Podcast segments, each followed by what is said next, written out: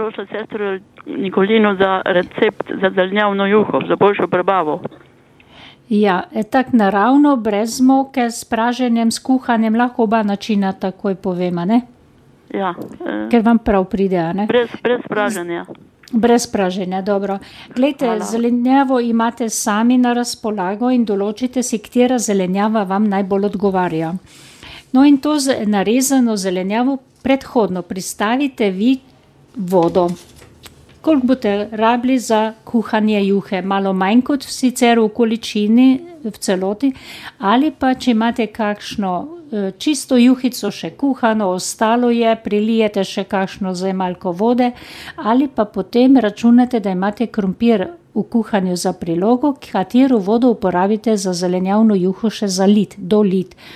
No, in to vedno zelenjavo, ki jo narežete ali naribate grobo, kakor si jo pripravite, dajte kuhati vedno v vrelo tekočino. Pa je juha ali voda ali je še krompirjevka že odsejena in takoj naprej kuhate lahko in dobite veliko bolj okusno juho. In zelenjava naj čim prej zavre in vre samo toliko, da je mehka. In potem naj preneha vred, je že pripravljena za obrok, za serviranje.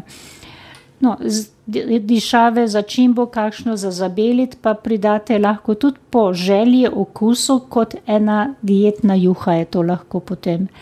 Lahko pridate v to zelenjavo en lovor kuhati, kar je tudi dobro, tudi dobro vpliva na prebavila. Primerno solite in je že dokaj okusna. In predno boste juho dali na krožnik ali servirali, eh, pridajte še žlico, zdaj, če je vino, če ne pa mirno, če je domači kis. Eno žlico kisa pomešajte, pokusite in vidite veliko razliko. In seveda zelen peteršilj, zelo eh, dober in to dajte ga na zadnje juho, da ne vre več.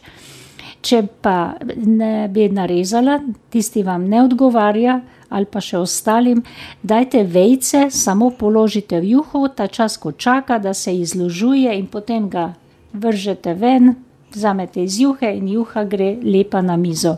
Tako pestra po sestavi, karkoli imate, ali je fižol, stročiše, ali svež, lahko je tudi droben, luščen, naprimer, mehno korenja, kakšno, tudi papriko na drobno narezano, ne, en dober priokus naredi, to so male količine tega za zraven.